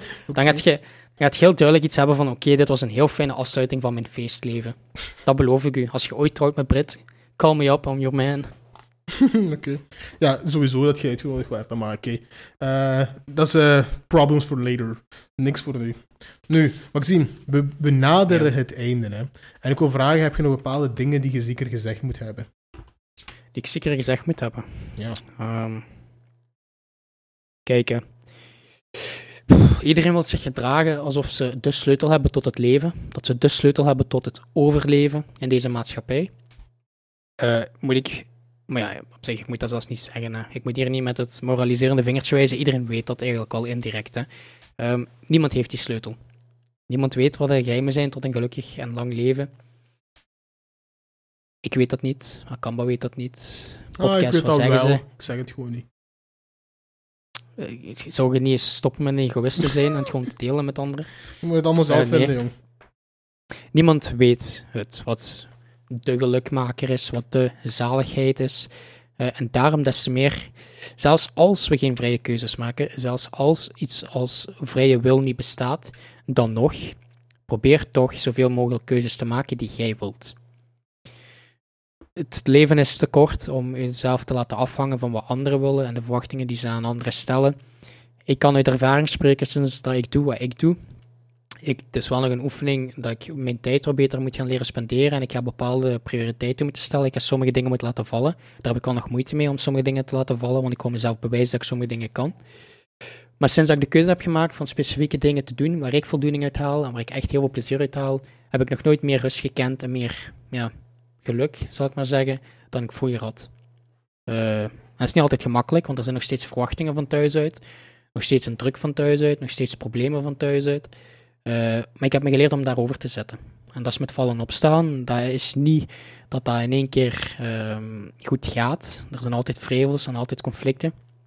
Maar eh, uiteindelijk moet je daar overheen zetten. Als je het echt graag wilt, dan zet je over die conflicten en die vrevels. En je hebt goede dagen en je hebt minder goede dagen. Dus ik spreek uit ervaring. Doe wat je graag wilt en je gaat er veel meer plezier uit halen. Ja, want hoe langer je ermee wacht, eh, hoe meer spijt je gaat hebben, hoe langer het gaat duren eer dat je op dat punt zit dat je wel die keuzes hebt gemaakt. Ik ben blij dat ik alsnog nu de keuzes maak die ik wil maken. Ik heb wel een hele omweg moeten doen.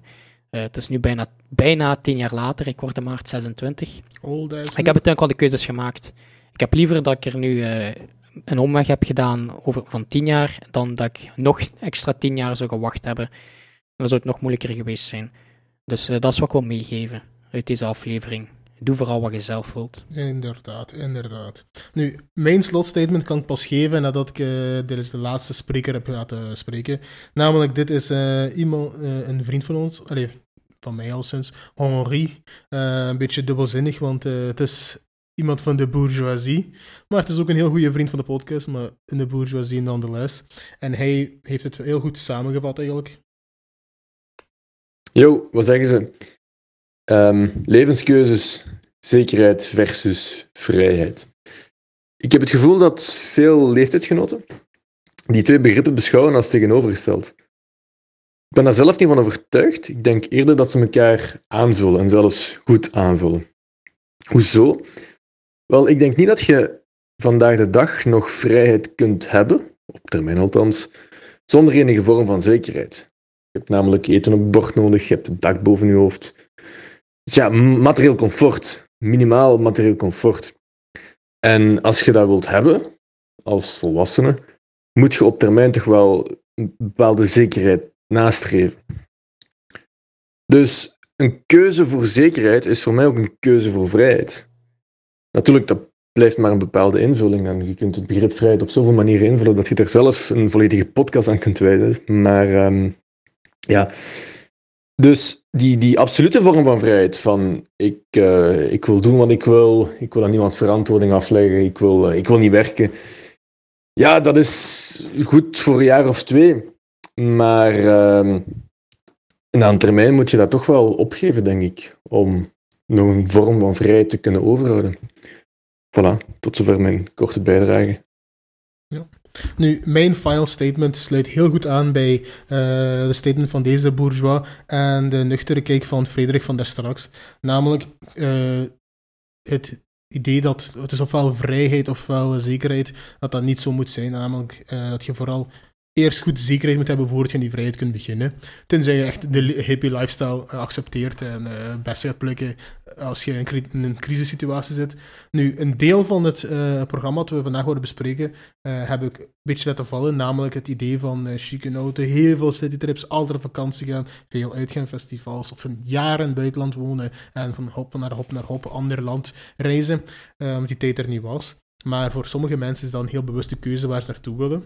Dus zoveel mogelijk gek leven, als ik het zo mag noemen, zonder te veroordelen. Terwijl ik altijd van het idee ben geweest, uh, ik ga voor de vaste systemen met heel veel zekerheid. Want als ik die zekerheid heb, dan kan ik daarna nog zoveel vrije dingen doen als ik wil. Heel veel mijn hobby's, heel veel uitgaan, heel veel mijn vrienden zien en reizen als ik dat erbij wil. Nu, niet elke dag wanneer ik het wil, maar ik heb al tenminste die materiële vrijheid om het te doen. In tegenstelling, als je het zo mocht zeggen, sommige mensen die vooral gaan voor de meest vrije levensstijl, maar dan op dat punt wel moeten inboeten, want die op dat moment wat geld of die technieken niet hebben.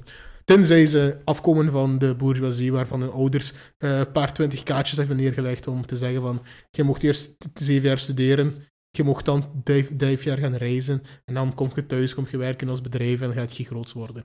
Als je dat niet hebt, dan is meestal het idee van zekerheid, eh, dus een goede job, modeltraject volgen, een goede job forceren, geld maken. En dan ineens ontdekt je, hmm, ik kan niet meer zo gekke dingen doen, want ik zit vast in die vaste ramien. Maar dankzij de vaste ramien en de stabiliteit heb ik wel de opties om heel wat andere dingen te doen. En daar ben ik wel blij mee. En dat geeft me ook wel rust, namelijk door de stabiliteit na te jagen, heb ik de vrijheid om heel veel dingen te doen. En stresseer ik mij op heel weinig andere zaken. En als ik me stresseer, is dat vooral zelf aangedaan om ik mijn hoofd bezig wil houden. Dat was het voor mij. Ja. Ja, dat is die gelijke startpositie. Hè? Als je niet uh, de middelen hebt, ja, dan kun je ook niet je vrijheid benutten. Ja. Dus dat is een beetje de paradox. Dat iemand die heel vrij is door geen enkele keuze te maken, want dat is een bepaalde vorm van vrijheid, volledig vrij te zijn, kan zichzelf in een situatie nestelen, omdat de maatschappij zo gestructureerd is en zo vormgegeven is dat je toch wel bepaalde dingen moet doen om uiteindelijk van bepaalde rechten te genieten. Mm -hmm. Uh, waarmee je dan uh, een bepaalde vorm van vrijheid kunt uitoefenen. Uh, dat, dat, is heel de rechte verhaal. Dus zo zie je dat het inderdaad toch niet zo zwart-wit is. Hè? ja. Mm -hmm. Het is moeilijk eigenlijk wel, hè? want je wilt enerzijds, zoals ik net zeg, maak vooral de keuzes die je zelf wilt. Eh, maar dan zit je ook met de vraag, past dat in het kader van de samenleving waar je in functioneert? En denk ook na over hoe je vrijheid definieert. Voor een dorpeling, eh, iemand die opgegroeid in een dorp, maar geen verdorp, is vrijheid het idee dat ze 18 worden een auto kunnen hebben en dan kunnen ze eindelijk eens naar de stad rijden. Dat is gigantisch. Voor iemand die altijd in het midden van de stad heeft gewoond, eh, voor hun is vrijheid misschien een keer vijf landen afreizen en daar van de een op de ander te stappen.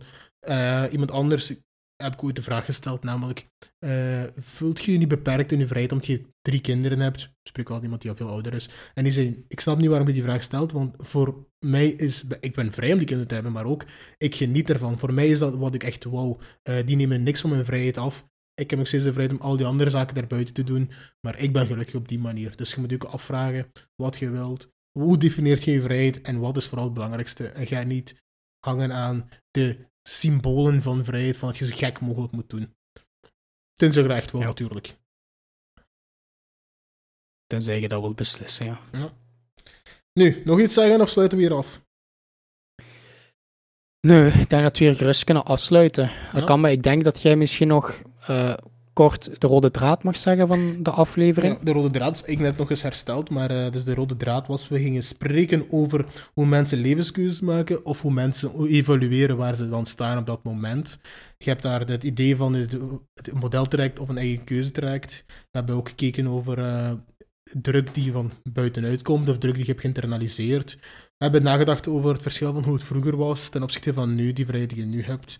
Eh, we wouden kijken naar het gekke leven, als ik het zo mag zeggen. Eh hebben het wel een beetje kort gesloten en uiteindelijk hebben we ook heel veel gesproken over hoe je jezelf rust mocht gunnen over de keuzes, over de huidige toestand.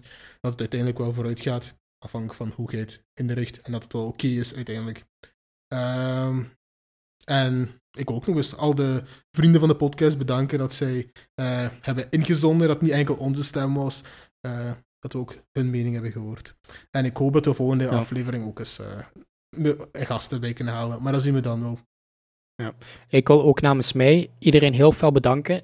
Ik was een beetje verrast hoeveel inzendingen we hebben gekregen en hoeveel respons. Mhm. Eh, dat is eigenlijk het meeste respons die we hebben gehad tot nu toe. En we zijn ondertussen al twee seizoenen verder.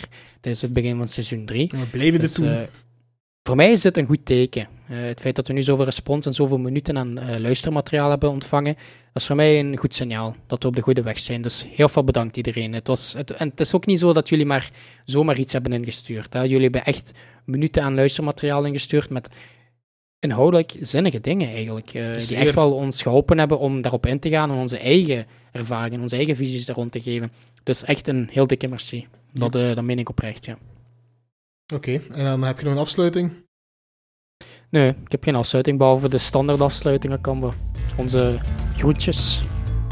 Oké. Eh, wat- zeg het maar, zeg het maar. Ja, maar zo werkt dat niet, kan Ik moet mijn aan, aanloop hebben, mijn aanleiding Ah, Oké, tot... Ehm, er is nog iemand die iets wil zeggen. Yo, kamadoei. Tjallas, de ballen. De doei is wel van mij, maar oké. Doei! Perfect. Okay, that was it. It's a wrap.